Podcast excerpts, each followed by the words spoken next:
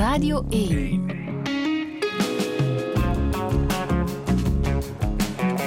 Douche. Met Friede Lesage.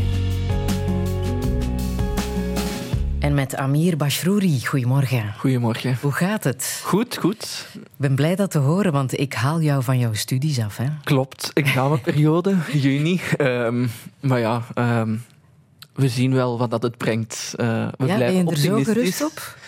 Ja, het, het, het blijft natuurlijk wel boeiend om af en toe nog eens zo extra te studeren en om dingen bij te leren. Ehm, dus aan zich heb ik er met het zonnige weer ehm, wel af en toe zin in. Soms meer dan anders, maar Want dat- hoeveel, hoeveel examens moet je nog? nu nog drie. Ja, dat valt mee. Het kan erger. En het weer, eh, valt dat mee of is dat lastig? Het is een beetje is? dubbel, omdat ik op zich eh, Willy Sommers gewijs ehm, de zon wel toelaat in mijn hart, eh, maar af en toe zelf ook wel merk ehm, dat dat natuurlijk wel weegt op uw motivatie, omdat je mensen ziet genieten van een heerlijk ijsje, mensen die gaan wandelen Ja. in een park, een terrasje doen, ergens op het Zuid in Antwerpen, en dat je daar dan tussen uw studieboeken zit ja, te stresseren over dat je nog zoveel moet doen, maar dat de deadline ook wel nadert, dat heeft natuurlijk ook wel zijn charmes. Dus ik ben er niet rouwig om. Ben jij een ochtendstudent of een avondstudent? Avondstudent eerder. Ja? Ehm, het is voor mij heel moeilijk. Ik sta aan zich wel vrij vroeg op. eh, maar ik heb altijd de neiging om toch nog de kranten door te nemen. Om een aantal mensen te bellen. Om te zien wat dat er leeft op sociale media. Om nog eens met medestudenten te spreken en te zien of dat daar het studeren vlot. Ehm, maar ik ben ook niet iemand die tot in de treuren en tot in de nacht vroege morgen gaat blijven studeren. Ik hoef mij dus niet schuldig te voelen Nee. dat ik jou deze ochtend eh, Nee. claim. Ik was al heel vroeg wakker. Ehm, ben jij veel naar de les geweest? Ehm, nu, het, beste antwoord dat ik hierop zou moeten geven is ja, heel veel. Maar de eerlijkheid gebiedt mij om te zeggen dat ik een vrij druk semester achter de rug heb gehad, waardoor ik niet altijd naar de lessen ben kunnen gaan. Ik heb zoveel als mogelijk geprobeerd de belangrijkste dingen wel mee te volgen, werkcolleges enzovoort. En dat is mij aan zich ook wel gelukt. Eh, maar zoals dat het aan de universiteit een beetje de gewoonte is bij studenten, zijn er ook vakken waar dat het soms misschien handiger en nuttiger is om het gewoon zelf eh, te doen. Ehm, en dat doe ik af en toe. Ja, want je bent ook voorzitter van de Vlaamse Jeugdraad. En dat lijkt mij, als ik jou op tv zie, bijna een fulltime bezigheid. Het blijft natuurlijk een vrijwillig mandaat. Hè, dus dat is ehm, altijd een beetje dubbel, omdat mensen denken dat ik daar heel veel mee bezig ben. En in zekere zin klopt dat ook wel. Hè. Dus je spendeert daar natuurlijk wel een aantal uren aan in de week. Maar het voelt niet alsof dat je bezig bent, juist omdat het zo boeiend en leuk is. En eh, ik weet dat een lerares mij ooit influisterde dat eh, ja, when, eh, when you're having fun, time flies. Hè. En ik denk dat dat ook wel klopt. Ik voel niet aan alsof dat de tijd zo snel gaat. Of juist, de tijd gaat heel snel. Omdat je zoveel leuke dingen mocht doen. En ik zou geen enkel moment van de momenten die ik heb beleefd willen inruilen. En Jan, dan schrijf je ook nog eens columns voor de knak Ja. om de twee weken. Dus ook wel een eh, behoorlijke bezigheid, hè? Eh, dat is niet altijd even gemakkelijk, omdat je de ene week meteen met een bepaald onderwerp in je hoofd zit en denkt, dit is wat dat ik nu op papier moet zetten. Maar er zijn dan ook weken waarbij dat er een writersblok mij ook te beurt valt en Ja. dat ik helaas een beetje hopeloos en wanhopig op zoek ga naar een onderwerp. Maar daarvoor is de omgeving altijd een broeihaard van potentiële onderwerpen. Hoe zou jij jezelf omschrijven? Ehm, als een ijzeren glimlach las ik deze week op Twitter door mijn beugel. Maar ik zou eerder eh, geëngageerd eh, uitspreken. Een geëngageerde Antwerpenaar ook wel, omdat ik dat als deel van mijn identiteit zie. Ehm, maar het is ook wel iets waar ik niet zelf meteen allerlei woorden aan zou willen vastpinnen. En vooral ook kijken naar de manier waarop dat mensen mij misschien soms percipiëren. En ik denk dat veel mensen, ja, iemand die jong is van 20 jaar en misschien een aantal dingen doet in het publieke debat, heel snel als geëngageerd gaan zien. En voor mij is vechten voor de goede zaak of het maatschappelijke belang een vorm van engagement. En dat is denk ik waar dat ik, dat ik dagelijks ook wel mee bezig ben. Ehm, Kritisch, mag ik jou ook zo omschrijven? Ehm, dat mag zeker. Eh, ik vind ehm, dat je altijd kunt leren van elkaar. Dus het is natuurlijk ook uh, een schone deugd om af en toe uh, op het scherpst van de snee te debatteren en met mensen van gedachten te wisselen. Uh, maar ik vind dat je natuurlijk wel de grens moet bewaken tussen enerzijds het kritische en het cynische. Want je kan heel snel doorslaan in het cynische, met als gevolg dat je bijna alles in twijfel trekt en niet meer het nut inziet van de dingen waar dat je dagdagelijks mee bezig bent. en dat is wel een grens waar ik over waak. Dus ook veel meningen natuurlijk natuurlijk over de politiek en hoe dat de samenleving omgaat met kinderen en jongeren, maar wel altijd proberen om constructief en kritisch uh, de zaken aan te pakken. Uh. Zie jij jezelf als een rolmodel? Uh, nee, uh, hoewel dat ik soms wel in die rol word geduwd. het is en, een lastig woord, hè? Ja, omdat het suggereert dat je bijna een volmaakte persoon bent die eigenlijk ehm, ja, al af is in zijn weg ergens naartoe, zijn bestemming heeft bereikt, terwijl ik me echt nog zie als reiziger die heel veel leert van mensen, die elke dag ook nieuwe uitdagingen op zijn bord ziet en krijgt en zelf nog heel veel opkijkt naar andere mensen. Veel mensen die voor mij vandaag iets betekenen, die misschien morgen ook iets voor mij zullen betekenen. En dat zijn rolmodellen voor mij. Dat zijn vaak ook mensen die ja, buiten de schijnwerpers heel veel doen voor onze samenleving en daar veel te weinig credits voor krijgen. Mm. Maar merk je bij jongeren dat die jou ook wel wat bewonderen voor wat je doet?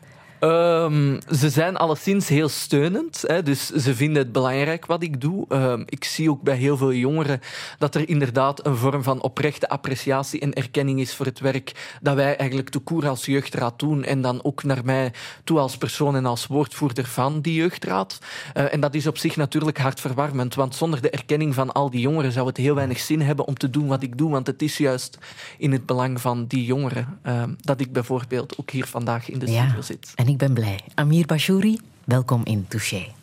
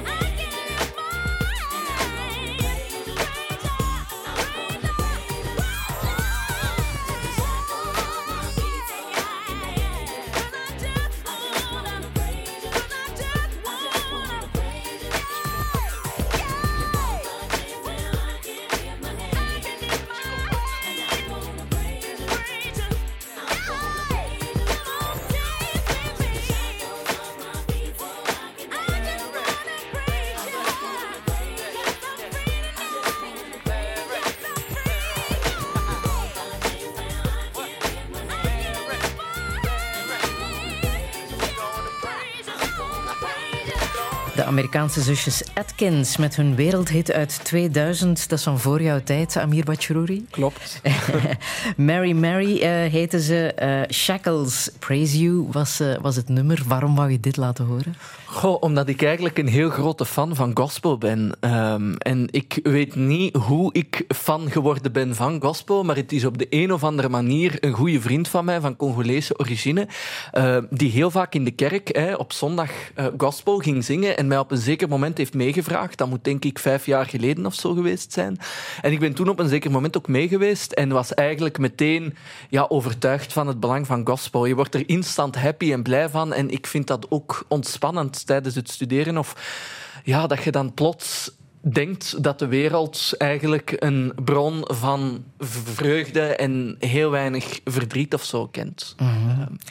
Je bent voorzitter van de Vlaamse Jeugdraad. Ja. Dat is jouw derde jaar ondertussen? En laatste jaar. Ja, laatste jaar. Uh, wanneer heb jij jouw kandidatuur ingestuurd? Ah, wel, het moet nu ongeveer drie jaar geleden zijn, uh, in de zomervakantie van 2020 is dat dan zeker, uh, heb ik mij kandidaat gesteld om adviseur van de Vlaamse Jeugdraad te worden. Maar dan zochten ze ook nog een voorzitter.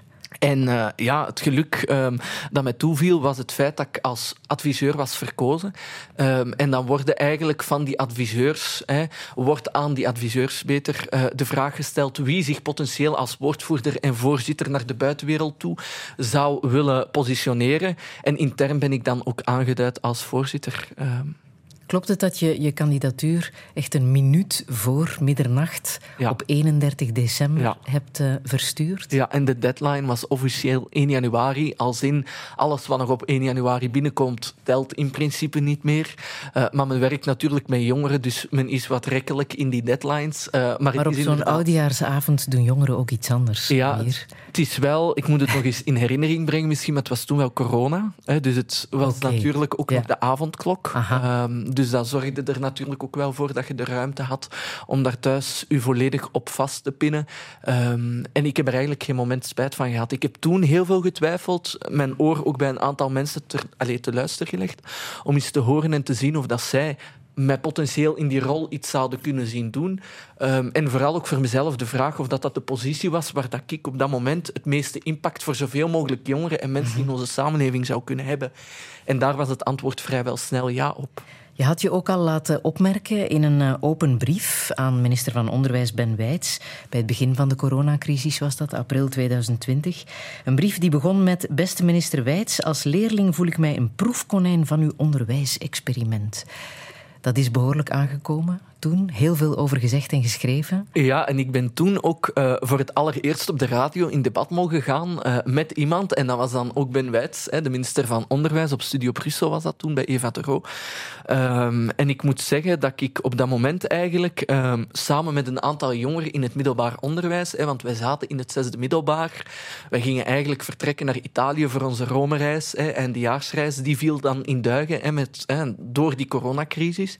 Uh, we hadden eigenlijk ook geen normale proclamatie meer, terwijl dat een moment is waar dat je heel ja, hard naar uitkijkt ja, en dat je dan plots ziet, dat wordt mij hier allemaal afgenomen, bij wijze van spreken. En wij moesten toen ook meteen als eerste naar school gaan om te zien hoe dat die terugkeer naar school zou verlopen. Hè? Want we zaten in het zesde middelbaar en omdat we dan eigenlijk ja, worden klaargestoomd om naar die eerste jaar aan de universiteit te beginnen, hè? want ik heb het ASO gedaan, hè? dus dan word je in principe ook voorbereid op een academische carrière, um, voelde ik gewoon ook heel veel ja, onbegrip bij jongeren. Omdat we niet zo goed begrepen waar het eigenlijk over ging. En eigenlijk ook een gebrek aan een stem die dat ik in dat debat kwijt kon. Ik heb geprobeerd op school bij de directeur een mail te sturen um, om een aantal bezorgdheden aan te kaarten die toen eigenlijk niet o serieus zijn genomen. Uh, maar dan heb ik besloten de brief um, ja, naar de opinieredactie van de VRT Nieuws te sturen, met als gevolg dat het gepubliceerd werd en dat ik nadien ook werd uitgenodigd uh, voor een gesprek. En hoe was dat voor jou, dat er ineens geluisterd werd en meteen al door de minister? Ik had dat helemaal niet verwacht, um, omdat het voor mij toen vooral zoiets was van ik wil een steen in de rivier gooien en zien wat daar dan mee gebeurt. Um, maar dat, het, het, overviel mij op het moment zelf ook, omdat ik toen aan het studeren was. Hè, want we hadden toen digitaal afstandsonderwijs. En ik weet nog dat ik met iemand aan het bellen was ter voorbereiding van dat gesprek met Ben Wijts. En dat ik met knikkende knieën onder die tafel zat en op elk moment zoiets had van waarom heb ik hier ja op gezegd? Alsjeblieft, kan dit niet doorgaan? Um, en dat ik op het moment ook heel snel sprak, uh, omdat ik er ook gewoon heel snel van af wou zijn. Hoewel dat ik wel geloofde dat ik een boodschap had te vertellen die misschien op dat moment nog niet overal evenveel rugbaarheid had gekregen. Ja. Het heeft in ieder geval geholpen om jou voorzitter van de Vlaamse Jeugdraad te maken. Iedereen was overtuigd dat je dat wel zou kunnen. Maar wat houdt dat nu precies in? Je bent ja, woordvoerder, maar wat doe je nog meer? Het is eigenlijk een, um, ja, wij hebben een adviesraad die maandelijks, hè, de eerste woensdag van de maand, samenkomt. Dat is dan in Brussel. Um, en je ziet die adviesraad dus voor. En wat we daar doen, dat is adviezen stemmen. Um, dus samen met 16 hè, zitten we daar dan in. Acht jeugdwerkers, acht jongeren. Um, en we denken eigenlijk na over de samenleving kijken wat dat er leeft bij jongeren. Welke signalen vangen wij op? Wat merken jeugdwerkers? Op welke grenzen stoten zij? Welke uitdagingen zien wij in bepaalde wijken? En die proberen wij dan neer te schrijven en neer te pennen in een advies dat wij nadien presenteren aan het beleid. Uh, dus dat is vooral aan de Vlaamse regering dan gericht, omdat wij ook decretaal verankerd zijn als organisatie. Dus wij, de Vlaamse regering moet, als ze een beslissing nemen die een impact heeft op jongeren, eerst ja, haar oor te luisteren leggen bij de Vlaamse Jeugdraad om te zien wat de impact daarvan is op jongeren. En omdat we dan ook de officiële spreekbuis zijn van die jongeren- en jeugdwerkorganisaties, hebben wij ook in huis een bepaalde expertise om mee na te denken over hoe dat we die samenleving kunnen doen werken voor kinderen en jongeren. En uh, zit je dan ook mee aan tafel met de ministers? Vaak. Um, dus uh, wij hebben een vrij goede minister van Jeugd, vind ik zelf, Benjamin Dalle. Die samenwerking loopt ook heel goed en daar overleggen wij ook regelmatig mee. Maar het is eigenlijk, uh, vooral ook door corona, hè, um, werd dat dan ook heel veel federaal, hè, werd er heel veel federaal beslist. Met als gevolg ook dat we vaak hè, bij federale ministers, bijvoorbeeld de minister van Binnenlandse Zaken, de minister van Volksgezondheid, ook gingen overleggen om na te denken over hoe dat we die maatregelen voor alle jongeren behapbaar konden houden. Dus um, het gaat van lokale politiek over regionale politiek tot, bij wijze van spreken, internationale politiek, omdat er ook mensen bij ons zijn die op het Europese niveau en op het VN-niveau zelfs actief zijn. Je bent nu twintig. Ja. Dat is toch een onwaarschijnlijke ervaring die jij nu opdoet? Ah, wel. En, en het is een leerschool um, waar dat ik ook heel dankbaar voor ben, omdat ik oprecht heel intelligente mensen heb mogen ontmoeten, nieuwe werelden ook heb mogen ontdekken. Um, en elke dag verrast wordt door het engagement van jongeren, het engagement van mensen in onze samenleving. En zelf ook gewoon aan de lopende band iets bijleer. Ja. Al wat dat gisteren vertrouwd voelde, is vandaag plots voor verandering vatbaar. Ja. Dat je dan plots merkt van, ik heb daar nog niet op die manier naar gekeken. En dan zit je daar plots met een jongere te spreken die een totaal achter, andere achtergrond heeft, een ander referentiekader. En dan je merkt van, oei, daar heb ik nog niet op die manier over nagedacht. Ja. En misschien heeft hij wel een punt. Maar je ziet nu het hele mechanisme achter de schermen, ja. hè, in overleg met ministers.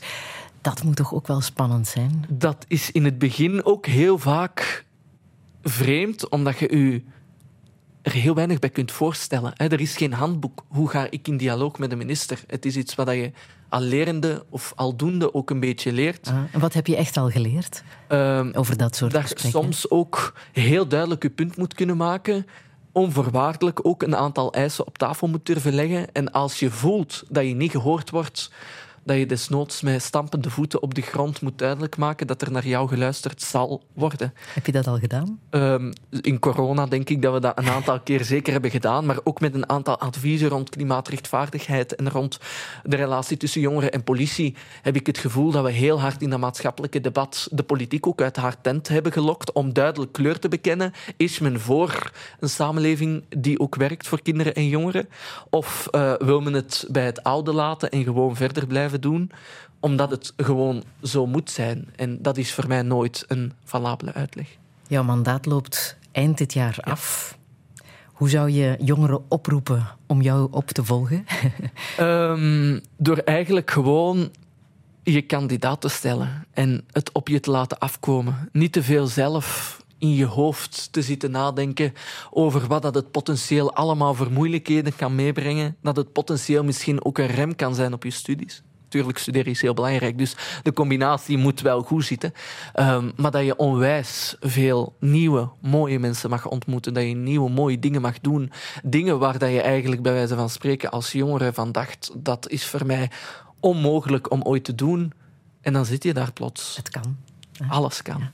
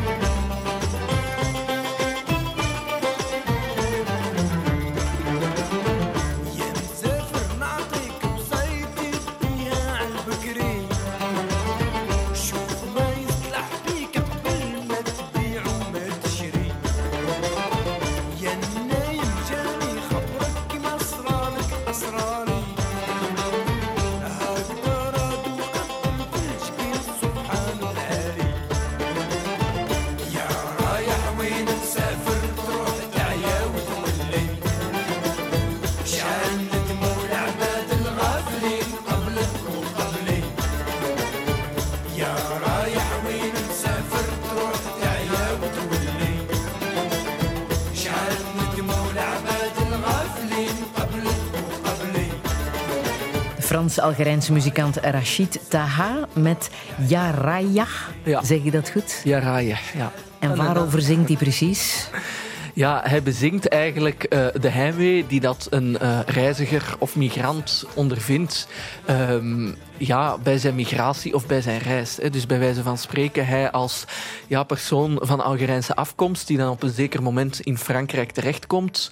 Eigenlijk zegt hij in zijn refrein letterlijk, eh, lieve migrant, waar dat je ook heen gaat, ehm, je zal altijd willen terugkomen. Ehm, en dat is eigenlijk ook heel toepasselijk op mensen die reizen te koer. Ik denk dat veel mensen dat ook hebben, die naar New York gaan en bijvoorbeeld vanuit Antwerpen of Gent komen. En dan toch zoiets hebben van, oh, onder de kerktoren daar in Vlaanderen is toch ook wel heel gezellig. Ehm, Maar in hoeverre is het voor jou herkenbaar? Ah, wel, ik moet zeggen dat ik eh, natuurlijk, dat is onvermijdelijk een deel van wie ik ben. Ik heb een migratieachtergrond, dus ik heb ook Marokkaanse roots. Mijn ouders zijn eerste generatie migranten. Ehm, en voor mij als persoon, als kind van de tweede generatie, speelt dat veel minder. Ehm, omdat ik natuurlijk wel eh, mijn roots in Marokko heb. En het feit ja, dat dat op één generatie ja, afstand is, bij wijze van spreken is daar nog wel een zekere verknochtheid aan die roots. Hè? In de zin van, ik eet heel graag Marokkaans, ik ga graag naar Marokko, ik luister graag naar Marokkaanse muziek. Ehm, dus dat is natuurlijk ook wel een deel van mijn persoon.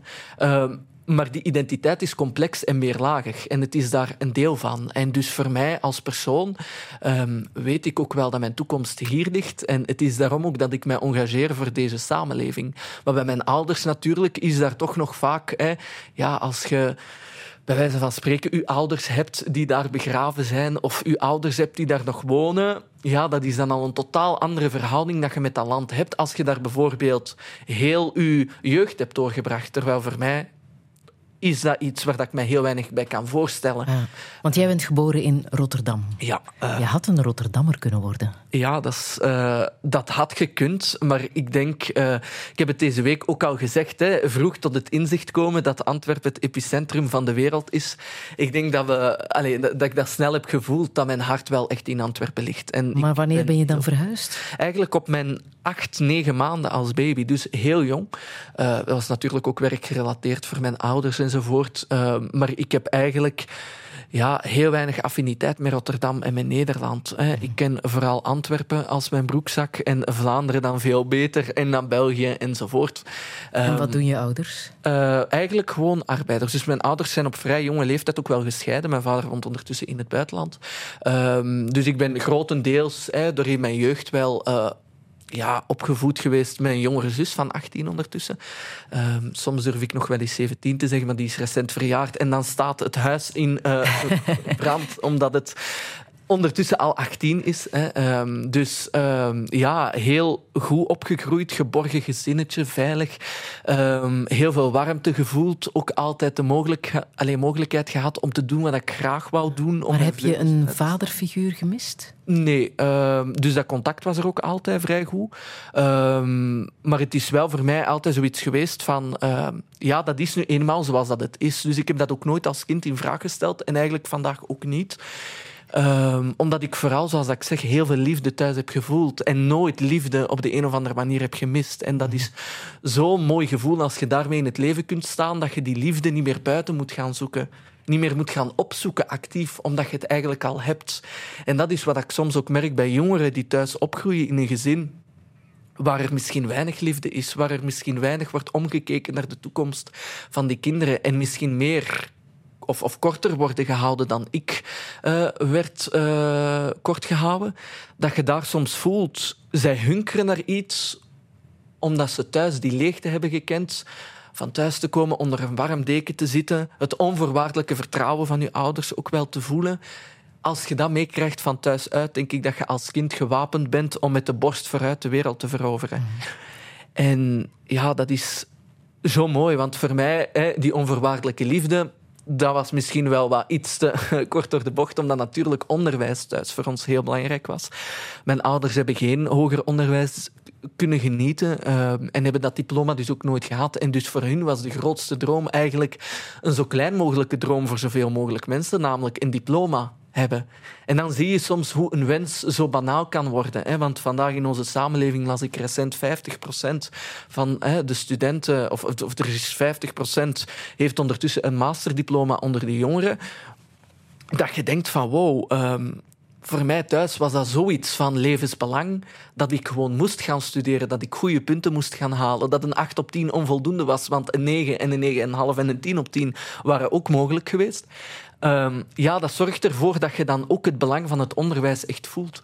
Um, en die voorwaardelijkheid of zo, daar ben ik altijd op een heel goede manier mee omgesprongen. Omdat je soms als kind zoiets hebt van oh, weer al naar school gaan. En ja, mama, ik heb soms wat moeilijkere momenten op school. En nee, natuurwetenschappen is niet echt mijn ding, maar geschiedenis wel. En daar wil ik die 98 op 100 halen.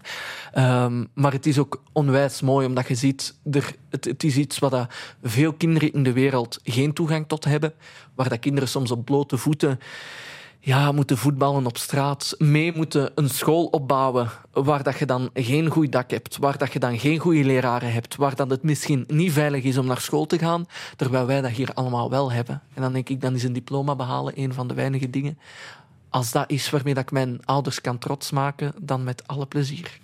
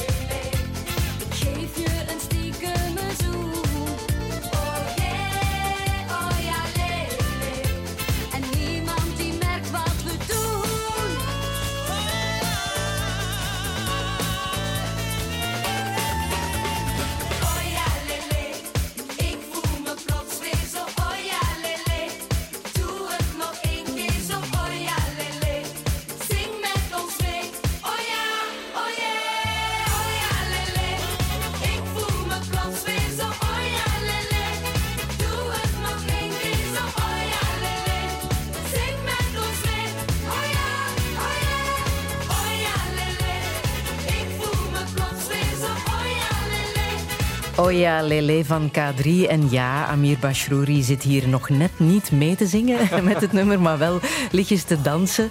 Het is jouw jeugd, hè, Amir? Ja, eh, ik, ik denk dat er nu een aantal luisteraars zijn die mij vermoedelijk zullen willen stenigen. eh, maar ik wil het eerst verdedigen. Ehm, omdat ik vind dat iedereen een recht heeft op een eerlijk proces. Dat is één. maar twee is denk ik voor mij ook dat... ehm, ik in de derde, kleu allez, derde kleuterklas moet dat toen geweest zijn. ehm, hebben wij voor ja, de proclamatie toen een musical moeten maken. En hebben wij ook een toneelstuk enzovoort moeten voorbereiden. En wij hebben toen ook op dit lied moeten dansen. Eh, dus dat was heel... eh, ja, Karel, eh, Karen, Liever, Christel en Kathleen toen nog, hè, in mijn tijd, zoals ze dat dan zeggen, waren toen ja, de bekende meidengroep waar dat mijn zus dan ook onwijs grote fan van was. Hè. Dus die deed ook mee aan alle K3-shows, ging die er allemaal naartoe. Eh, al die series, Hallo K3 en weet ik wat allemaal, volgen. De merchandising, brooddozen en weet ik veel. En dus ja, onvermijdelijk sloop dat dan ook binnen bij ons thuis. Eh, maar ik heb wel altijd een ja, toch eh, voorliefde gehad voor eh, K3, omdat ik vind dat ze ja, gewoon op een heel swingende manier soms mensen ook gewoon kunnen betoveren, een, een glimlach op onze gezichten kunnen doen verschijnen. En dat vind ik de kracht ook van zo'n muziek. Ja, je bent geëvolueerd, mag ik zeggen, van K3 naar Antenor Fermin, Ja. de antropolo- antropoloog, van wie je een quote hebt meegebracht die je absoluut wil voorlezen. Ja, dus ehm, ik zal misschien beginnen met de quote voor te lezen. hè. Dus dans tous les pays, dans toutes les races, le progrès ne s'effectue, ne se réalise, ne devient tangible que lorsque les couches sociales inférieures, qui forment toujours la majorité, tendent à monter en intelligence, en puissance, en dignité et en bien-être. Vrij vertaald. gaat eigenlijk over het feit dat als de sociaal zwakkere groepen in de samenleving, die altijd de meerderheid vormen van een samenleving, zelf het heft in eigen handen willen nemen, dat ze op die manier ook hun levensstandaard kunnen verbeteren. En voor mij staat dat een beetje in het teken van ehm, sociale mobiliteit, hè, wat dat ik een heel belangrijk proces vind, omdat ik het zelf ook deels heb mogen doorlopen. En wat is dat precies voor jou, die sociale Wel, voor mij mobiliteit? betekent dat heel concreet de sprong van het kansarme naar het kansrijke. Dus ik ben opgegroeid in een kansarm gezin, hè, want mijn ouders spraken de taal niet perfect, tot op de dag van vandaag ook niet. Hè, waren gewoon arbeiders, waren geen hoogdravende intellectuelen die met allerlei ehm, levenswijsheden uit de boeken ehm, ja, op tafel gesprekken voerden, ehm, maar wel altijd mensen die doelbewust hè, ons wel de toegang verschaften tot boeken. Dat liefde, of, of die liefde en dat belang van onderwijs valt natuurlijk ook onder die sociale mobiliteit, omdat onderwijs altijd een motor is geweest voor die sociale mobiliteit. Dat eigenlijk vandaag minder is. Hè, dus je voelt ook aan alles dat die kansenmotor sputtert. Ehm, en ik wil mij mee inzetten voor die strijd om die terug aan de praat te krijgen. En thuis was dat voor ons ook altijd cultureel kapitaal heel belangrijk. Hè. Dus wij kregen strips die we moesten lezen, boeken die dat we thuis moesten lezen. Ehm, en ook heel veel leraren, jeugdwerkers die op mij een grote impact hebben gehad, omdat die ja, de lat altijd maar hoger en hoger en hoger legde en mij eigenlijk nooit het slachtoffer hebben gemaakt van lage verwachtingen. Ehm, en dat heeft mij eigenlijk als persoon ook echt gevormd, eh, omdat ik vandaag ook zelf voorlees aan kinderen uit het vijfde en zesde leerjaar. Ehm, en dat ik daar soms ook merk dat er een heel grote kloof gaat, of diepe kloof, tussen ja, hun achtergrond en de mijne. Want in zekere zin delen wij wel die kansarmoede, eh, maar bij hen strekt dat dan ook zo ver dat het gaat over kennisarmoede. Terwijl bij ons thuis, eh, mijn moeder tot op de dag van vandaag, als de Kathleen Koos op ter zake een politicus het vuur aan de schenen ziet liggen, ja, dat is voor haar een ervaring, een beleving waar dat ze heel veel plezier bij heeft. Ehm, en, en bij hun is het dan, ah ja, Karawiet is zelfs iets waar dat ze het, of waarbij ze tot in Keulen horen donderen. Ook een uitdrukking die ze bijvoorbeeld niet zouden kennen.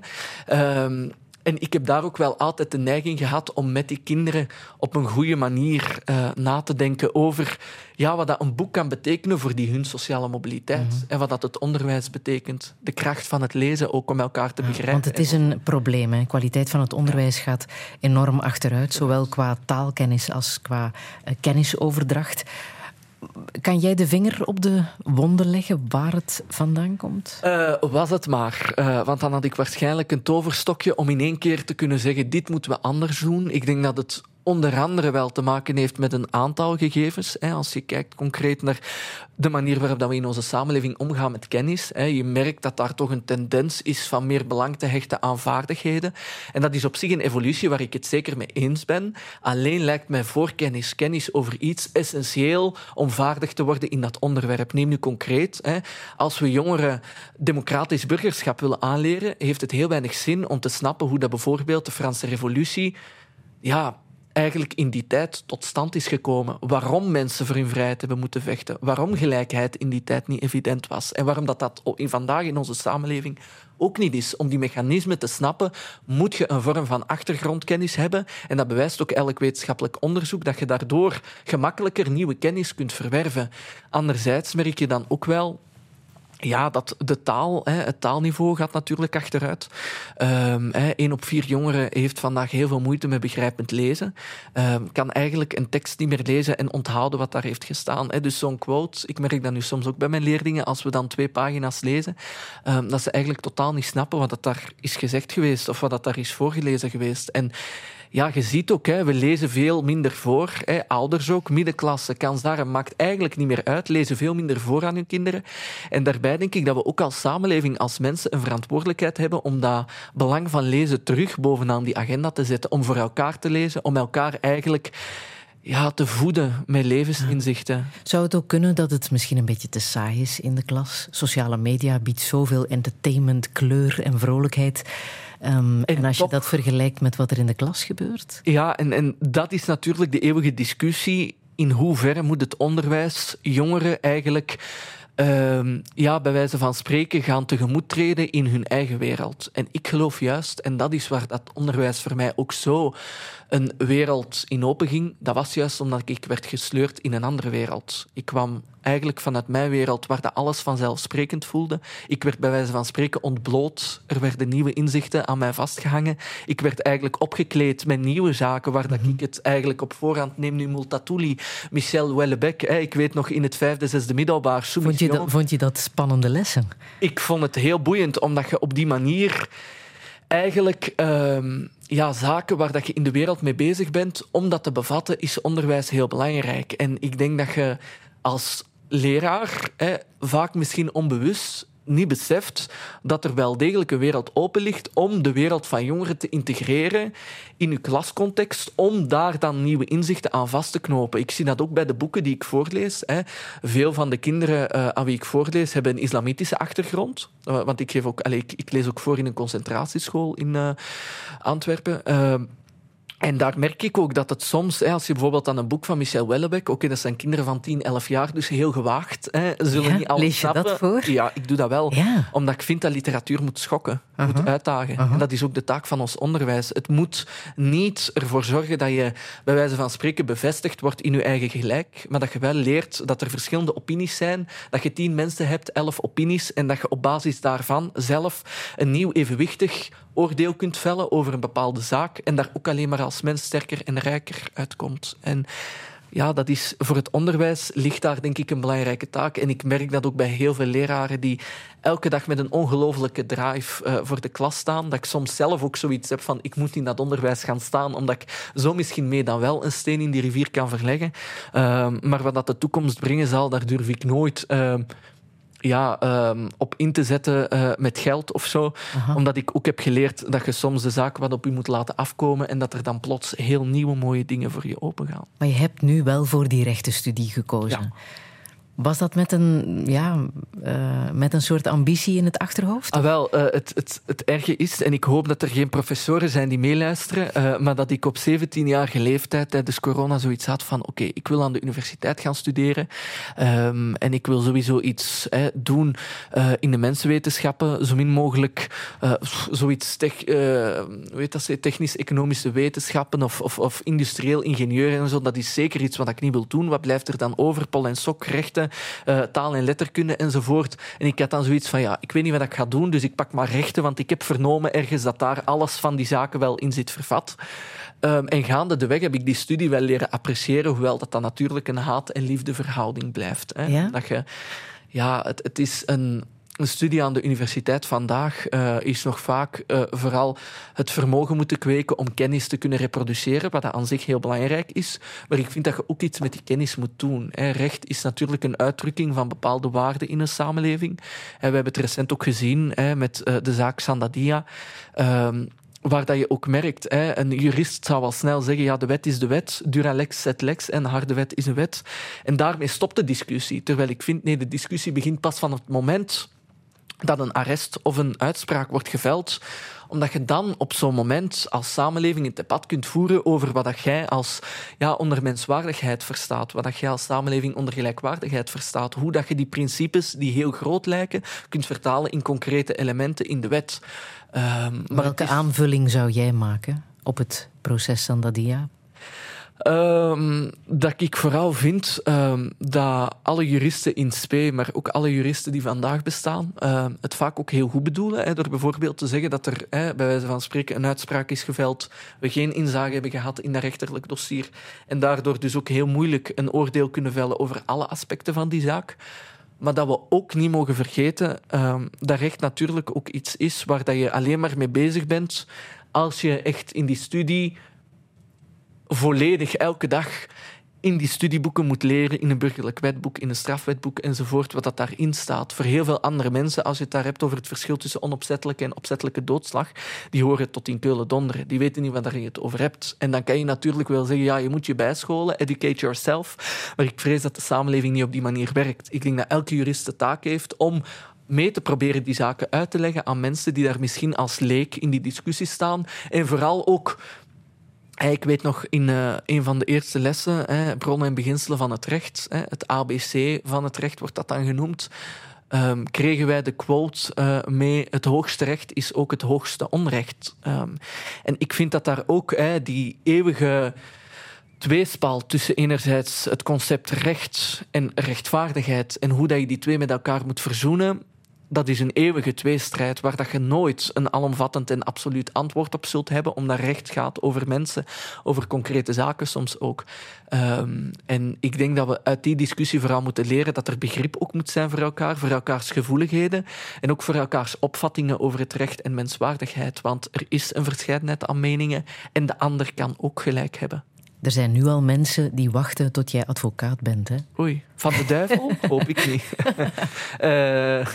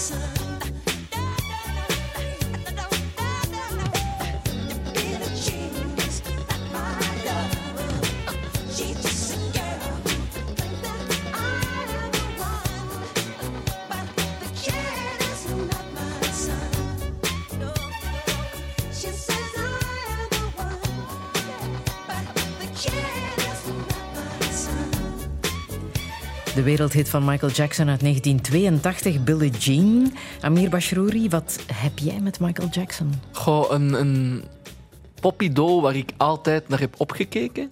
Ehm, omdat ik gewoon, ja, die muziek... Ik heb als kind altijd geprobeerd om te moonwalken. Het is me nooit gelukt. Ik blijf het proberen tot op de dag van vandaag. Want je weet maar nooit, misschien dat het ooit komt. Hè. Ehm, maar ik vind het gewoon, ja, de stem, de combinatie met de dans... eh, ja, er, het is gewoon uniek. Eh, Er is geen tweede Michael Jackson. En, en dat is zo... Mensen Is hij voor jou van zijn voetstuk gevallen toen het nieuws over het grensoverschrijdend gedrag met minderjarige jongens aan het licht kwam? Ah, wel, het, het, in heel die maatschappelijke discussie maak ik wel altijd abstractie tussen de kunstenaar en de kunst zelf. Dus ik vind natuurlijk ehm, heel moeilijk, omdat ik, zoals ik al zei, als eh, persoon die dat ook allemaal niet echt op de voet heeft gevolgd, niet precies weet van waar dat die klachten dan kwamen, hoe dat die dossiers dan specifiek in elkaar zaten. En dat is ook een beetje de tragiek van een rechtenstudent of een jurist, dat je daar zo hard in wordt gekweekt in een vorm van ja, hard denken, heel theoretisch ook, dat ik me daardoor niet 100% over durf uit te spreken, maar dat ik wel altijd vind, hè, ehm, dat is ook een discussie die ik vaak heb met mijn jongere zus van 18 aan de keukentafel, ja, als er bijvoorbeeld in tijden van cancel, allee, cancel culture, hè, ja, zijn er nu eenmaal beroemdheden die soms over de schreef gaan? Wat doen we met die muziek? Wat doen we met die boeken? Wat doen we met die films? Maar zoals ik al zei, ik vind kunst, literatuur, muziek, dat moet schokken. Ehm, en het mag soms schuren. Het mag soms wat pijn doen. En het is- Doet, ehm, je hebt mij een boek gesuggereerd van Paulo Coelho, Ja. De Alchemist. Schuurt dat? Ah, wel, dus dat is een beetje nu wat eh, de paradox erin, omdat het gaat over hè, die jonge herder die een beetje zijn leven, eh, levensdroom, hè, de verborgen schat gaat najagen. Ehm, en ik vind dat dat niet 100% schuurt met hoe dat ik erin eh, in het leven sta, maar wel ja, als ik het bijvoorbeeld heb over een droom en ik merkte dat dan ook voordat ik dat boek las, had ik zoiets van, ah ja, sommige dromen die lijken zo ver te liggen van waar dat ik vandaag sta.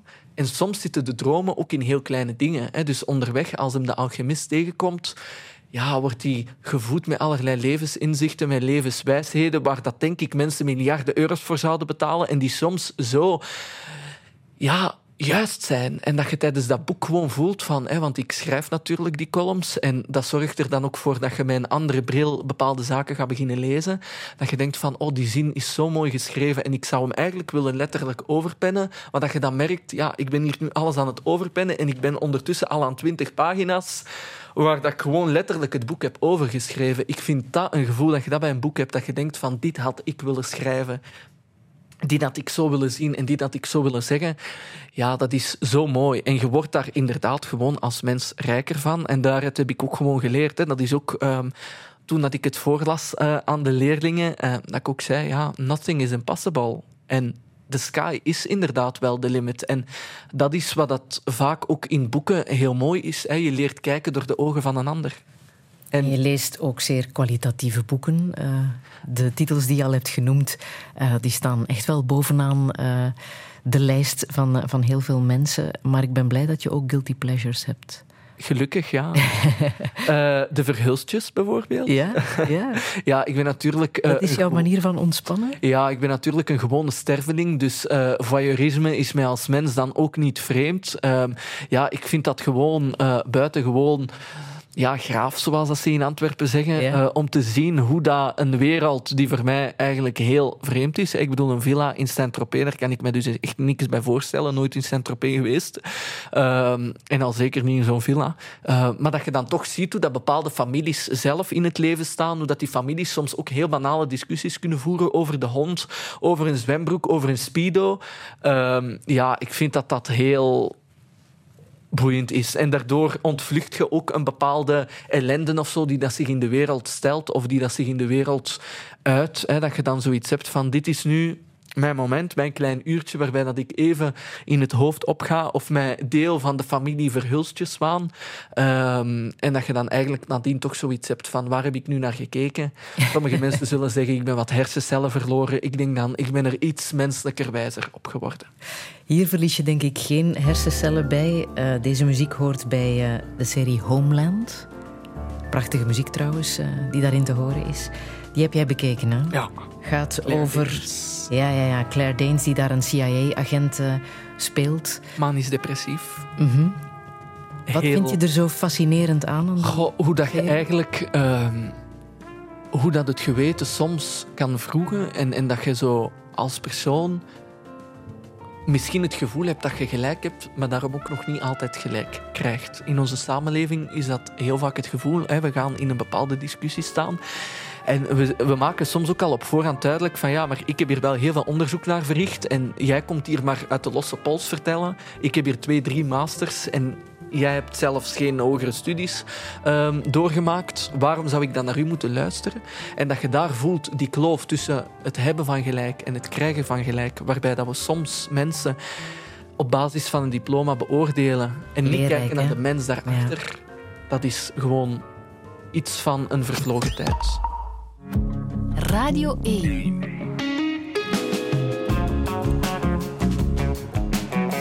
Touché. Lesage. En met Amir Bashrouri. Hij was pas 18 toen hij voorzitter werd van de Vlaamse Jeugdraad. Zijn vurig pleidooi voor sociale mobiliteit heeft alles te maken met zijn eigen traject. Als zoon uit een kansarm gezin droomde hij van een kansrijke toekomst. Maar hoe moet het verder? Wat gaat hij doen na zijn rechtenstudie? Kijkt hij er naar uit om voor het eerst te mogen stemmen? En wat betekent het geloof voor hem? Dit is Touché met Amir Bashrouri. Een goede middag. You know, every now and then I think you might like to hear something from us. Nice and easy. But there's just one thing, you see, we never ever do nothing nice and easy. We always do it nice and rough. But we're gonna take the beginning of this song and do it easy. But then we're gonna do the finish rough. It's the way we do Proud Mary. Rolling, rolling, rolling on the river. Listen to the story now. Left a good job in the city,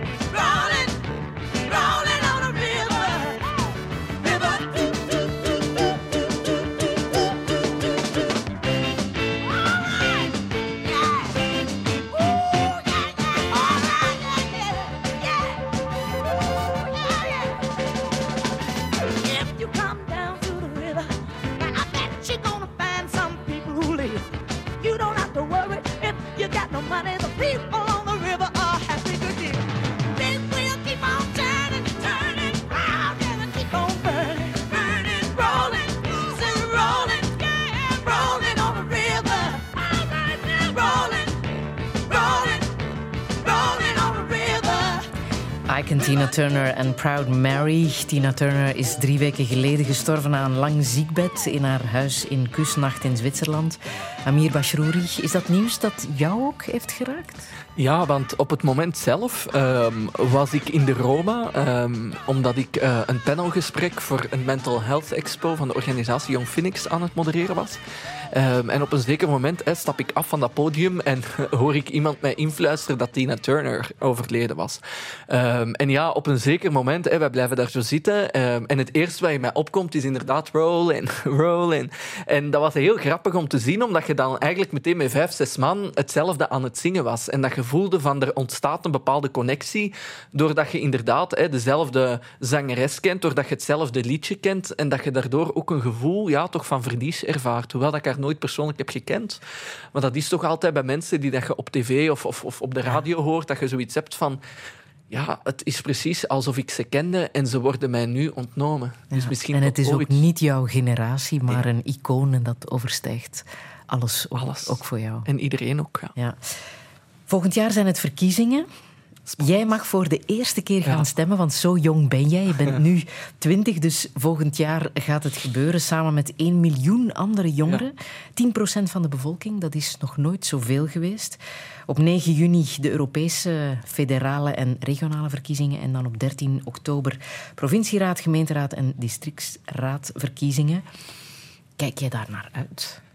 Ehm, eigenlijk wel, eh, omdat ik het één nog nooit heb meegemaakt. Ehm als in dat ik actief moet nadenken aan een debat. Wie heeft mij nu het meest overtuigd waar dat ik dan potentieel op zou kunnen stemmen? Ik heb natuurlijk de vorige verkiezingsshows enzovoort ook wel gevolgd.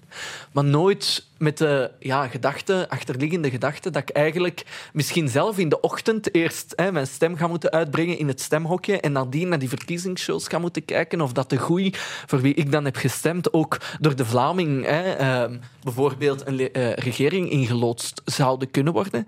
Ehm, dus ja, ik kijk daar met een zekere ja, nuchterheid ook wel naar, omdat ik... ja, ik ben natuurlijk heel veel met politiek bezig. Hè, omdat je natuurlijk, ja, als je die adviezen geeft aan politici enzovoort, je komt ze vaak tegen. En je weet ook dat er in de samenleving veel bougeert en beweegt. Ehm, maar het is niet altijd dat ik zoiets heb van, oh ja, het zijn verkiezingen. ehm, en dat ik bij wijze van spreken slapeloze nachten ga beleven. ehm, omdat ik misschien het foute bolletje zou inkleuren. Maar jij lijkt mij nu van nature zeer geïnteresseerd. Dat is niet bij alle jongeren zo. Hè? Nee. Want wat is het? De helft heeft nu al laten weten dat eigenlijk niet geïnteresseerd zijn om te gaan stemmen. Nee, en, en daarmee dat ik denk ook dat je je er als samenleving niet bij mocht neerleggen, omdat je natuurlijk in een democratie zit. En een democratie is heel broos en kwetsbaar en is gedoemd om te mislukken als er geen democraten meer zijn om die democratie in leven te houden. Ehm, en dat is natuurlijk wat ik vaak ook merk bij jongeren. Hè. Het is natuurlijk nog een jaar voor de verkiezingen, dus er is nog wel wat tijd. Hè. We hebben ook met eh, de Vlaamse Jeugdraad en de Ambassade het project is aan nu eh, gelanceerd, waarbij dat we met 100 jongere ambassadeurs gaan proberen om jongeren toch warm te maken, eh, om die stem toch echt uit te brengen, omdat je op die manier ook mee je stempel kunt drukken op de samenleving. En het ergste van al is dat jongeren een mening hebben over de politiek court in onze samenleving, maar heel moeilijk die politieke overtuiging weten te vertalen in een concrete stem voor een partij in het politieke landschap. hè. Dus ik maak daar ook altijd een abstractie tussen het partijpolitieke en het politieke, omdat ik vind dat het politieke over veel meer gaat. Dat is ook echt een ja, bandbreedte die zo breed is, bij wijze van spreken, dat je daar door enkel het te verengen tot de partijpolitiek eigenlijk onze samenleving, bij wijze van spreken, enkel overlaat aan de politici. Terwijl dat ik denk dat er heel veel belangrijk werk gebeurt buiten dat parlement. Hoewel dat het parlement natuurlijk ook heel belangrijk is. En het doel van dat project, het is aan u, Ja. daar is ook een web- website eh, van, is de bedoeling om, om jongeren echt te motiveren om de politiek te gaan volgen. Ja. Wat vertellen al die partijen, wat vertellen de politici? De politici zijn zelf ook al begonnen aan hun strijd hè, voor de kiezer. En zeker bij de jongeren op TikTok. Ja, ik eh, zie het natuurlijk ook wel. Ik zit zelf ook op TikTok. Hè. Ja, ik ben natuurlijk een kind van mijn eigen generatie.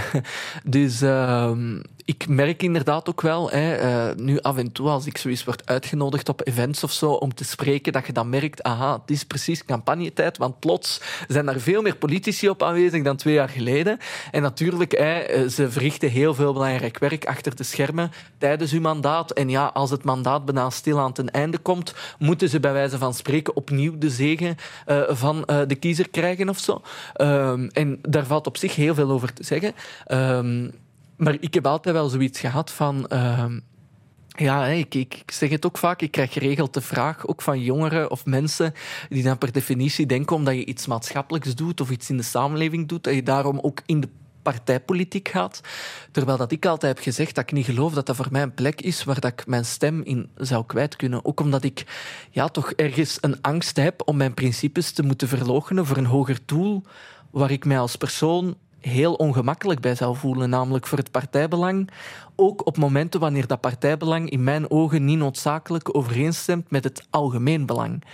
Ehm, En daar zou ik het heel moeilijk mee hebben als mens. Ook omdat de, ja, ik, ik heb niet te kampen met grootheidswaan om te denken dat ik op mezelf als individu ehm, het hele systeem naar mijn hand ga zetten en plots het hele systeem ga kunnen veranderen. Ik denk dat bescheidenheid op dat moment echt wel een schone deugd is om te kunnen zeggen de realiteit wijst vaak uit dat je eerder wordt veranderd door de politiek dan dat je de politiek zelf echt kunt veranderen. Welk advies zou jij de politici willen meegeven met het verkiezingsjaar in het Ehm, vooruitzicht? om zich niet te laten opjagen door de publieke opinie. Ehm, Elia Leonard Pfeiffer heeft daar recent ook een heel mooi boek over geschreven. Ik ben er nog in bezig. Dus, ehm, maar het gaat inderdaad daar ook over. Hè, de verhouding tussen populisme en een democratie. Hè. Politici moeten natuurlijk luisteren naar het signaal van de kiezer. Eh, maar we moeten natuurlijk ook wel in het achterhoofd houden dat de kiezer niet bestaat. Hè. De publieke opinie ja, dat is 50 tinten grijs. Het is niet zwart of wit. Hè? En mensen hebben soms gelijk, soms niet. En je hebt soms mensen waarmee dat je het eens bent en soms mensen waarmee dat je het oneens bent. En ik denk dat de democratie juist een ode is aan dat meningsverschil. Juist een manier is om die meningsverschillen te overstijgen en tot een compromis te komen. Ehm, en dat is iets wat ik vandaag in onze politiek echt wel mis. Hè? Je merkt dat politici worden opgejaagd door slechte peilingen, daar ook heel angstig voor zijn. En dat snap ik natuurlijk, want het gaat over hun idealen. Uh, maar Erich Kästner, uh, een Duitse schrijver, zei ooit uh, dat hij het liefst van aan leraar zou willen worden, omdat kinderen nog rijp zijn voor idealen. Um, en ik denk dat dat ook iets is wat we onze politici moeten meegeven. Vecht terug voor je idealen. Overtuig mensen van de reden waarom dat je in de politiek bent gestapt en waarom dat je die politiek denkt ten goede te kunnen veranderen voor die mensen. Maar ga geen stap achteruit zetten als je plots wordt teruggefloten door een deel van de kiezers. Want de publieke opinie, het bestaat niet. Hoe zou jij willen dat de politiek evolueert? Want het gaat over jouw toekomst, hè? Uh, ja, toch naar een iets vrijere, uh, open sfeer waarin dat debatten echt wel mogelijk zijn zonder debatfiches. Hè. Wat je vandaag toch soms nog merkt, is dat uh, politici heel snel ook ehm, het systeem aan, zich verdedigen, wat dan natuurlijk ook wel logisch is vanuit hun oogpunt. Ik wil voor alle duidelijkheid niet heel antipolitiek en cynisch klinken, want ik moet die jongeren nog overtuigen om te gaan stemmen. Maar ik denk juist dat het daarom onze taak is als democraten, als jongeren in een samenleving, om te zijn, om met de voeten vooruit te kunnen zeggen van kijk, dit systeem waarin dat we elkaar naar de mond praten, waarin dat we ons laten opjagen door een slechte peiling, dat is geen duurzaam model.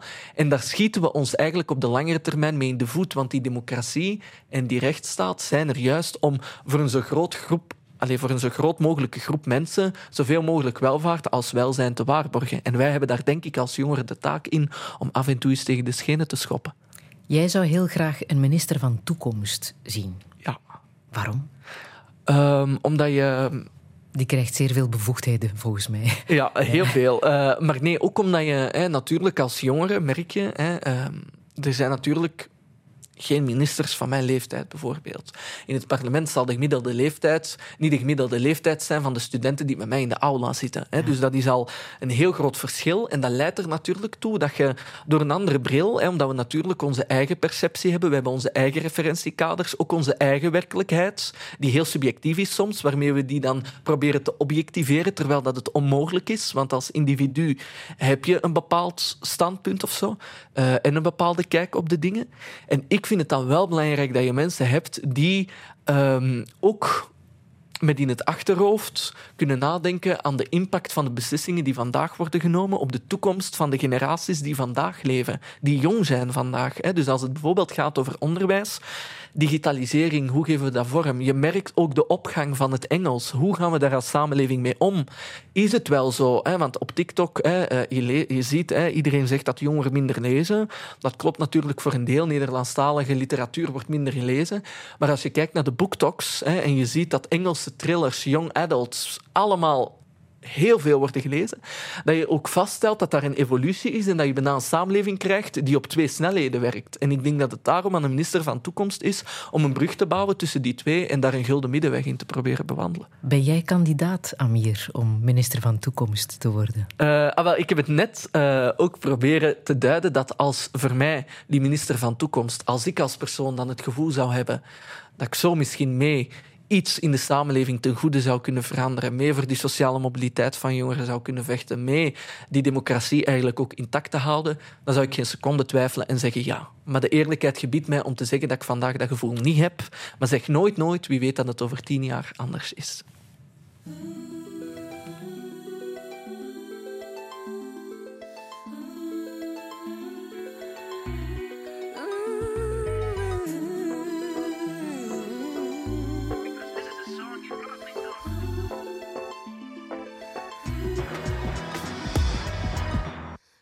N'ai qu'une philosophie, être accepté comme je suis, malgré tout ce qu'on me dit. Je reste le point levé, pour le meilleur comme le pire. Je suis métisse mais pas martyr, j'avance le cœur léger, mais toujours le point levé. Lever la tête, bomber le torse, sans cesse redoubler d'efforts. La vie ne m'en laisse pas le choix, je suis là qui bat le roi, malgré nos peines, nos différences, toutes ces injures incessantes. Moi je lèverai le poing,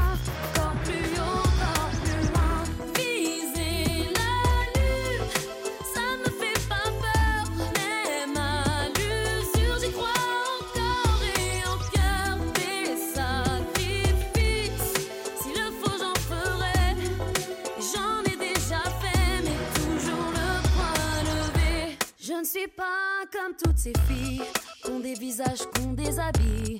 Moi j'ai des formes et des rondeurs, ça sert à réchauffer les cœurs. Fille d'un quartier populaire, j'ai appris à être fière. Bien plus d'amour que de misère, bien plus de cœur que de pierre. Je n'ai qu'une philosophie, être accepté comme je suis, avec la force et le sourire, le cesse redoubler d'efforts. La vie ne m'en laisse pas le choix.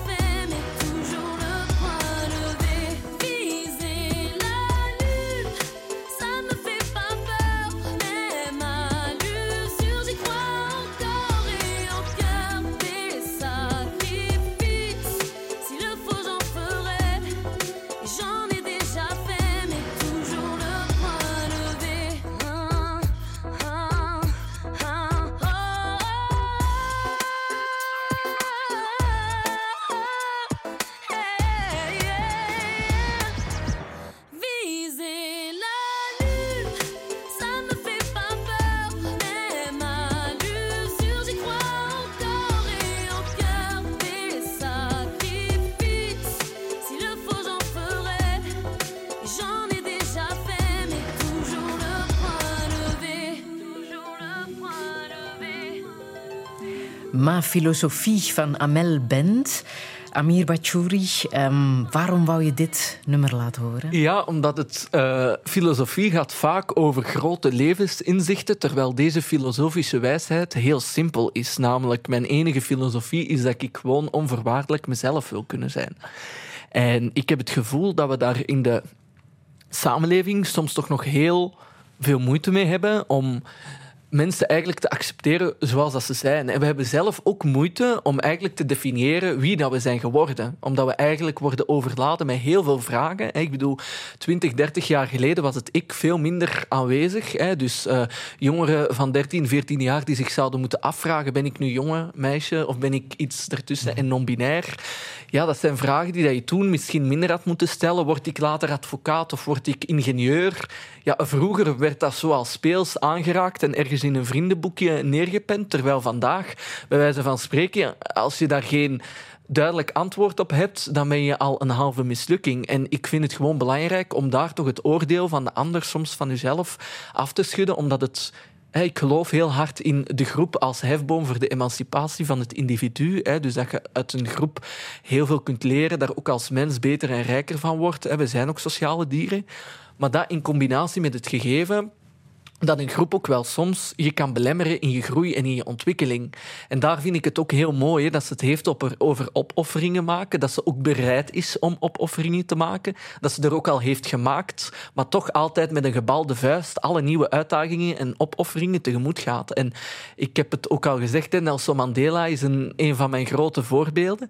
Ehm, en wat je bij Nelson Mandela ook heel erg voelt, is dat hij eigenlijk zijn eigen strijd, zijn eigen leven in functie heeft gesteld, zelfs ondergeschikt gesteld aan verbetering voor het leven van anderen, zonder een gevoel van wraak, maar wel op een heel geweldloze, simpele manier de menswaardigheid bepleiten. En dat is zo mooi.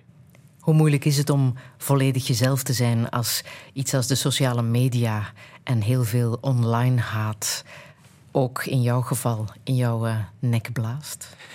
Um, ah wel, dat is dus... Um, ik weet dat ik als 18-jarige toen in een eindejaarsinterview heb gezegd dat die haatreacties mij vaak raken. Um, met de wijsheid die ik vandaag misschien een beetje heb ontwikkeld, zou ik hetzelfde niet zeggen. Omdat je dan merkt dat je nog meer een schietschijf wordt van mensen die niet de beste bedoelingen hebben. Maar de lijfspreuk van Michelle Obama, when they go low, we go high, is toch echt wel iets wat ik incarneer. Hè. Ik vind niet dat als iemand ja, zijn niveau verlaagt... Uh, dat je daarom ook mee in een race to the bottom moet proberen hè, daar de bovenhand te winnen. Ik denk dan laat het vooral netjes passeren en be the bigger person en ga ermee aan de slag. Um, en natuurlijk ook omdat engagement altijd met bepaalde kritieken komt en die zijn onvermijdelijk. Um, en ja, daar moet je je natuurlijk als jongere op de een of andere manier tegen wapenen. Maar het is wel een feit dat je daar mee leert omgaan, het ook een plek leert geven. Want waar komt de nood van zoveel haatreacties vandaan, denk je? Ah, wel, ik, ik denk dat dat in mijn geval uh, ook een samenraapsel is van enerzijds mijn etnisch-culturele achtergrond. Hè.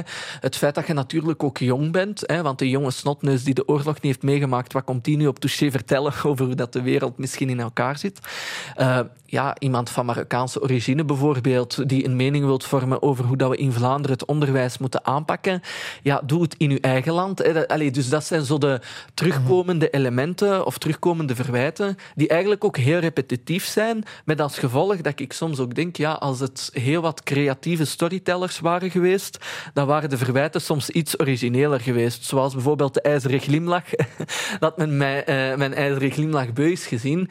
Uh, dat vind ik dan wel een mooie en daar kan ik dan ook de nodige, of met de nodige ironie en frisheid naar kijken. Je hebt het ook moeten ontgelden na de drugsvondst in jouw ouderlijk huis. De politie vond toen 20 kilogram cocaïne, die daar was gestockeerd door uh, de oom, door jouw oom. Um, je bent zelf nooit in verdenking gesteld en je moeder is uh, vrijgesproken. Zij was niet op de hoogte, jullie waren niet op uh, de hoogte. Dat heeft jouw oom ook uh, bevestigd. Hij kreeg vier jaar voorwaardelijk. Dat is natuurlijk een vreselijk verhaal als dat jouw familie overkomt. Um, vervelend ook. Zeker omdat jouw naam is genoemd. Denk Wel, dat is zo. Het hele moeilijke is daarin dat je ja, je kunt niet liegen en zeggen van oh, dat is een heel leuk moment geweest. Hè. Het is natuurlijk geen fijn moment. Uh, net zoals dat je ook andere minder fijne momenten in je leven hebt gehad. Uh, maar voor mij zijn minder fijne momenten ook altijd de mogelijkheid om terug tot de essentie van de reden van mijn engagement te komen. Namelijk, heeft het nog zin om mij in te zetten voor de samenleving? Heeft mijn engagement nog een plek in al hetgeen wat ik doe? Heb ik er mentaal nog de ruimte voor om dat te doen? En ik merkte toen dat de onverzettelijkheid om terug met jongeren, met kinderen echt aan de te gaan. Omdat ik gewoon voelde dat er nog zoveel gedaan moet worden, dat er nog zoveel bergen werk verzet moet worden, dat ik daardoor meteen ook voelde van ja, ik wil dit nog verder blijven doen. En dat ik daarom ook zoiets heb gehad van ja, het, het is inderdaad ook zo, als je daar haatreacties op krijgt enzovoort ze waren er ervoor al, dus ergens kun je dan zeggen, ik was ehm, ergens wel al bestand tegen het feit dat je daar ook negatieve reacties op krijgt. Maar ik heb ook heel veel steun en warmte gevoeld van mensen. En voor mij is dat dan ook de aanleiding geweest om die bladzijde ook nu te proberen om te draaien. Eh, omdat inderdaad de verkiezingen er volgend jaar aankomen en er nog heel veel gedaan moet worden voor onze kinderen en jongeren en hun organisaties. Maar vond je het lastig dat jouw naam daarin werd genoemd? Ehm, het, het is ik, ik heb daar eigenlijk ook al vrede mee genomen. Ehm, dus ook omdat ik toen zoiets heb gehad van ja, ehm, het is gebeurd. En in mijn geval was het ook what doesn't kill you makes you stronger. Drugs, als we het daar eens over hebben, is ook een probleem hè, bij jongeren. Ja, je merkt het wel eh, op feestjes enzovoort, bijvoorbeeld. Hè, dat je wel merkt eh, ja, dat er allerlei soorten drugs worden gebruikt. Uh, ik ben natuurlijk nu zelf ook iemand die geen drugs nog alcohol gebruikt. Hè, dus ik heb ook nooit sigaretten gerookt enzovoort, omdat ik daar zelf als controller freak heel veel moeite mee heb. Ehm, sommige mensen denken dan ook meteen dat dat te maken heeft met een religieuze overtuiging, terwijl ik denk, ik zie de link niet meteen.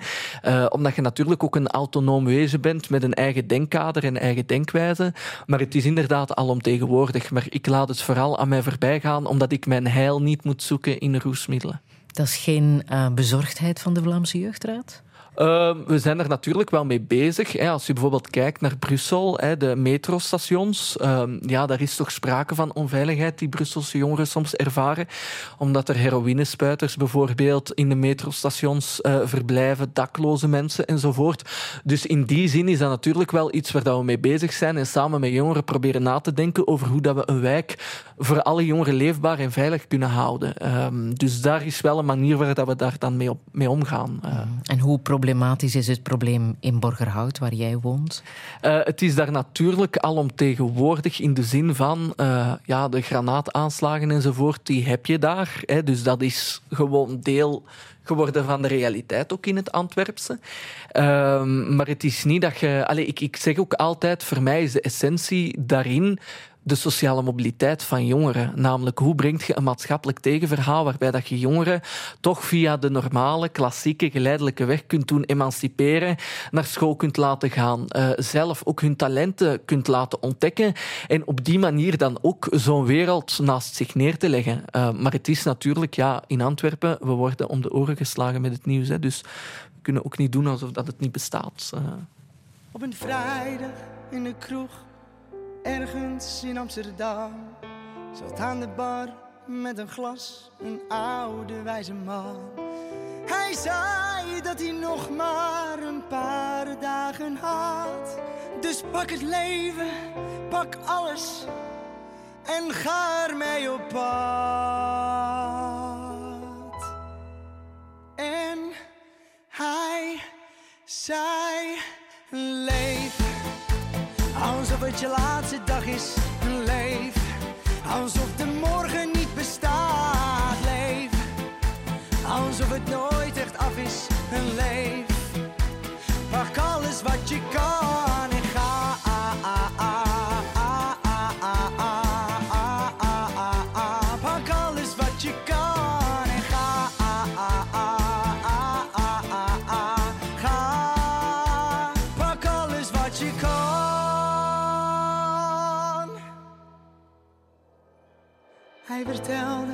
dat hij zich had gewerkt in het zweet. Geld verdiend als water, maar nooit echt had geleefd. Zijn vrouw was bij hem weg, voor een ander ingeruild. Af en toe gelachen, maar veel te veel gehuild. En hij zei: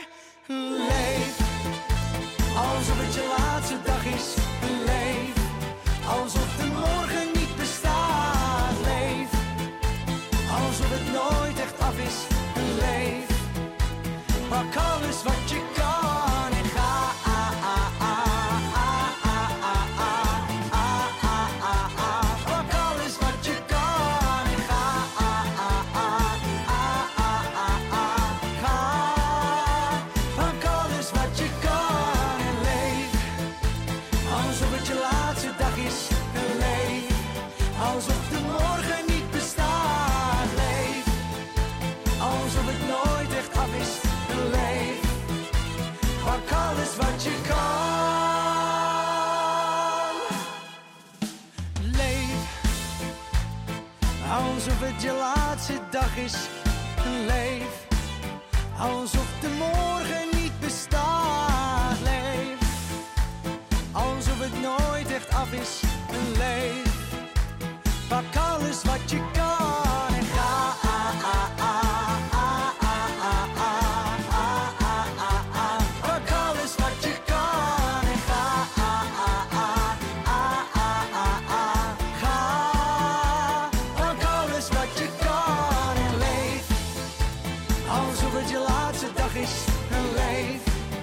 André Hazes Jr. kan zich zo laten vervangen door Amir Bashrouri, die het nummer helemaal heeft meegezongen in eh, de studio. Leef, tot zelfs een glas dat moest eh, sneuvelen. Sorry. Het enthousiasme. Ja, ja, is groot. Is groot. Wat heb je met dit nummer? Ja, ik, ik vind het gewoon... Ja, het, het, het heeft zoiets van een, een levens... ehm, ja, het straalt gewoon leven uit. Het ademt het leven ook uit. ehm, dat je zo... Allee, ik zei het net ook, het is heel toepasselijk op het zonnige weer. Ja. Omdat je dan het gevoel hebt, hè, we gaan in Polonaise richting het stationsgebied en genieten van die zon. Hoewel ik straks nog moet studeren natuurlijk, eh, side note. Maar dat je dan wel voelt, het is gewoon ja, muziek waarbij dat je kunt ontspannen, kunt dansen, kunt genieten. En er zit ook, ja, leef. Hè. Dat is ook wat ik altijd meegeef aan die leerlingen, aan wie dat ik mag voorlezen. Leef je leven ook voor jezelf. Veel minder voor de ander, want dat is een last die dat je met je meesleurt en die dat je in deze tijden echt als de kiespijn kunt missen. Is er leven na dit leven?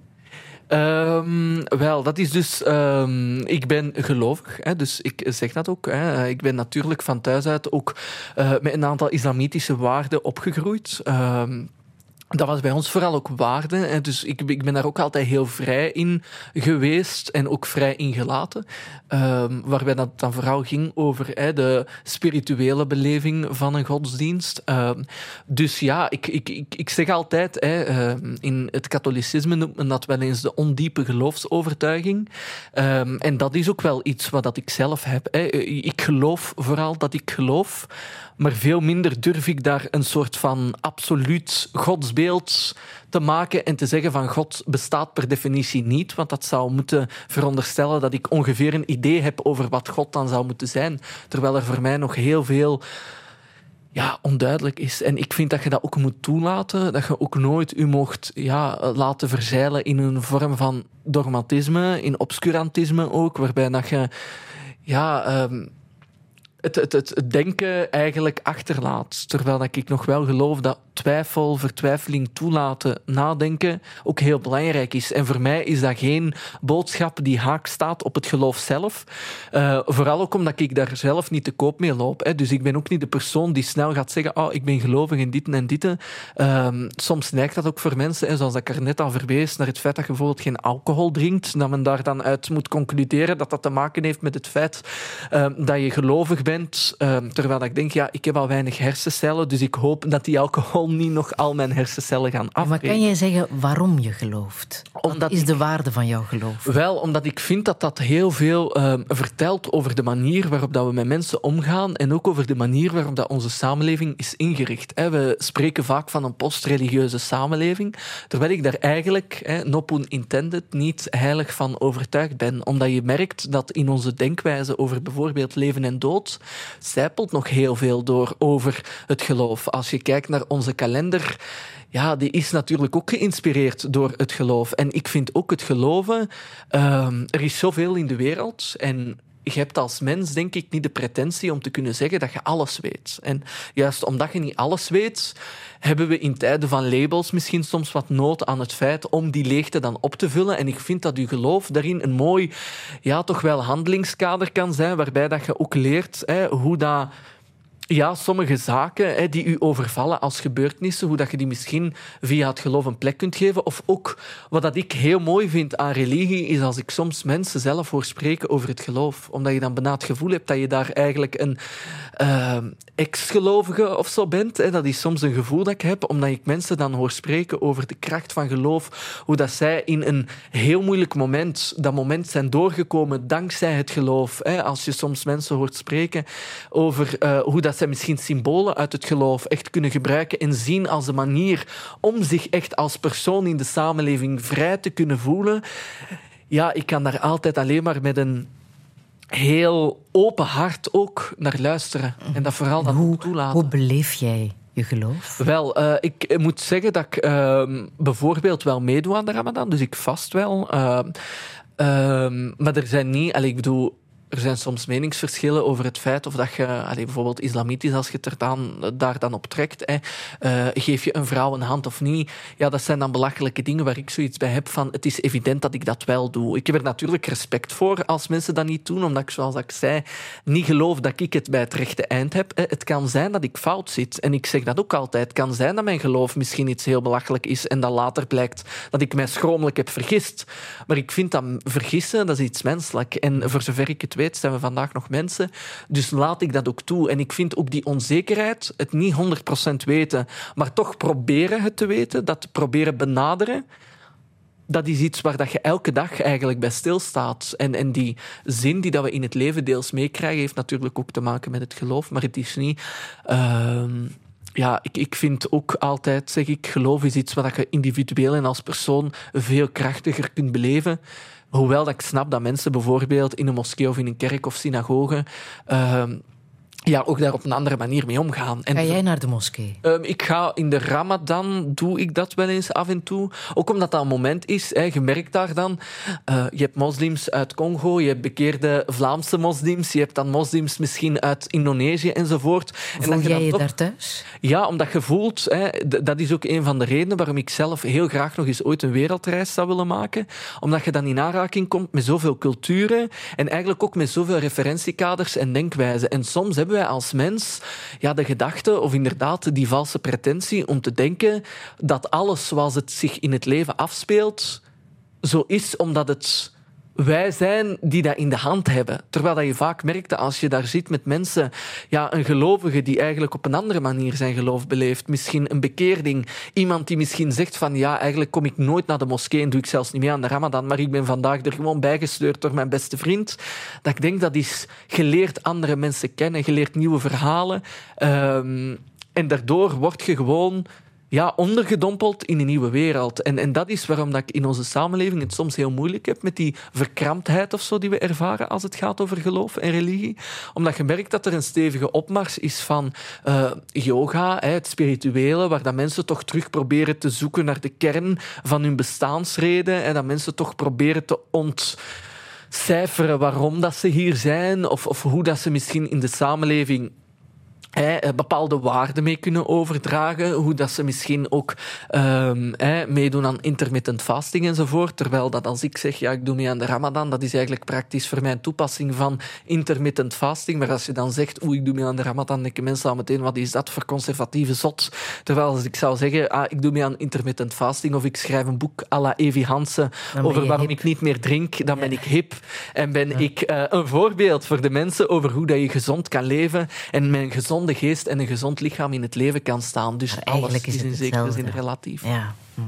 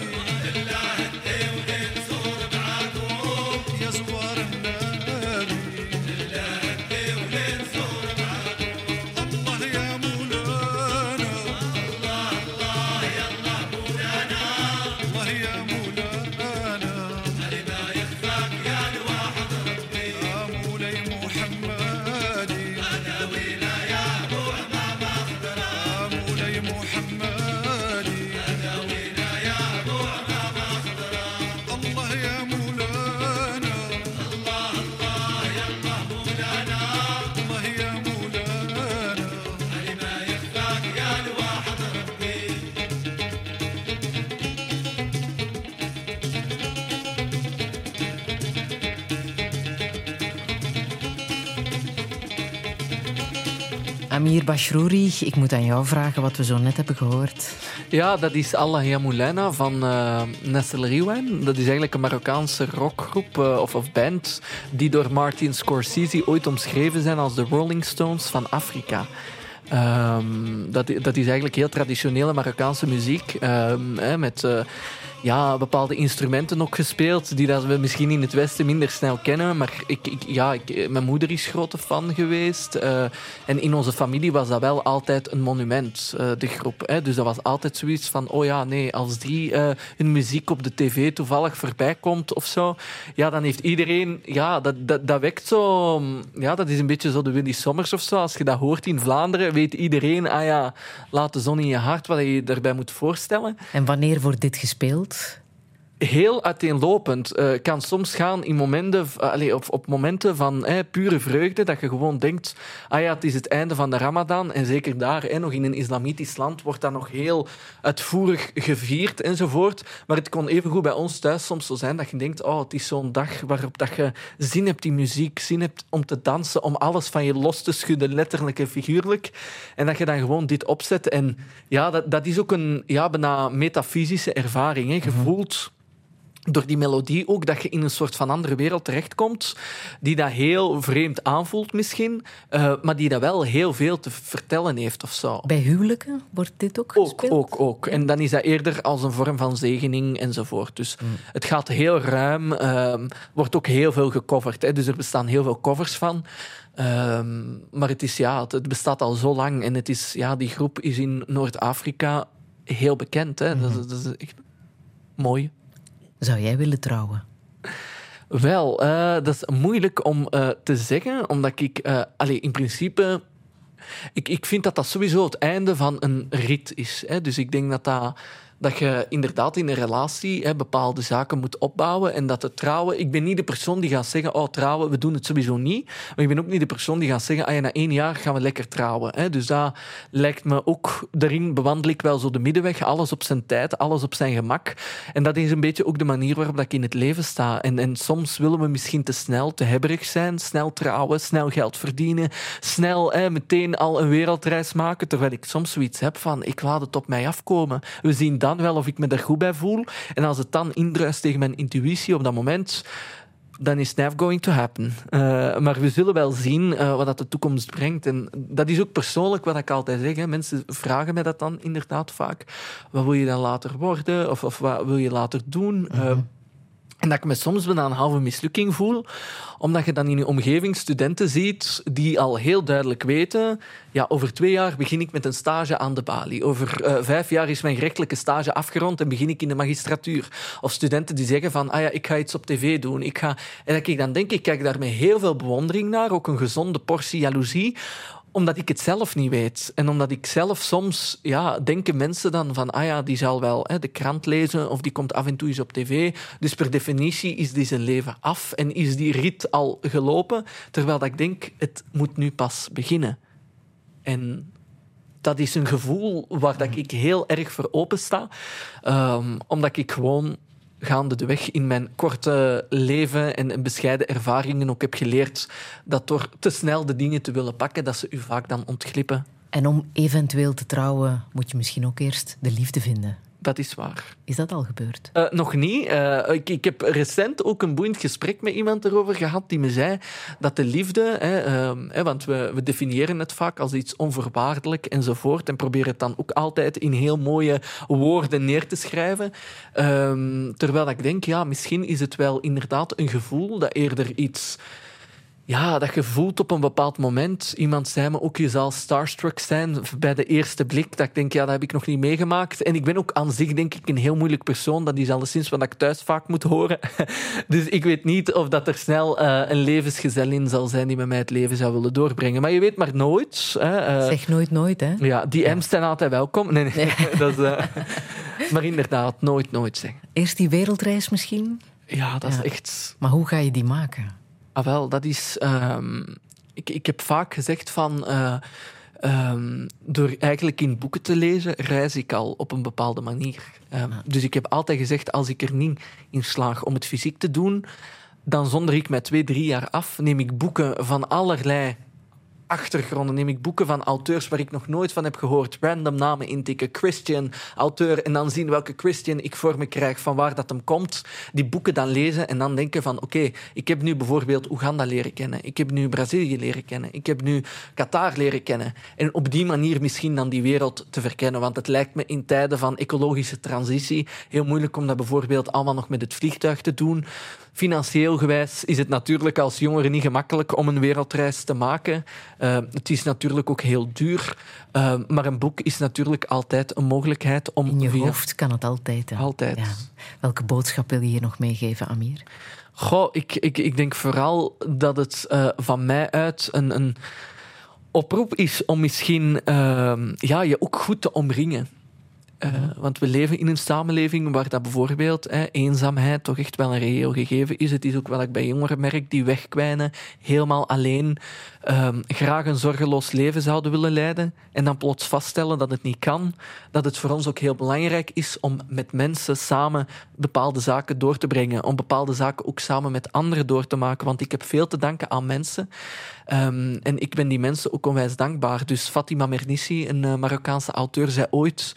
Um, om eigenlijk je vleugels te kunnen uitstaan, moet je twee dingen kunnen doen. Je moet het zelf willen en je moet je met mensen omringen die je mee laten vliegen. En natuurlijk niet Icarus-gewijs te dicht bij de zon, want dan verbranden je vleugels. Zullen we nog eindigen met interessant om de festivalzomer aan te kondigen? Absoluut, goed. Hey, yo.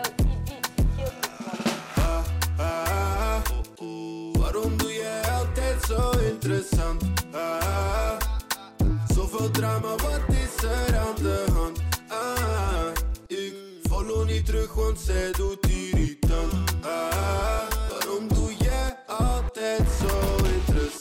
Vanessa noemde me funny, nu lag ik naar de bank. Zij kon vragen hoeveel ik krijg van sabam. En opeens weet zij, ze wil mee met mij, maar ik zeg er nee, nee, nee. schreeuwt zij AUB, AUB, nee, nee. Ah, follow the leader on my way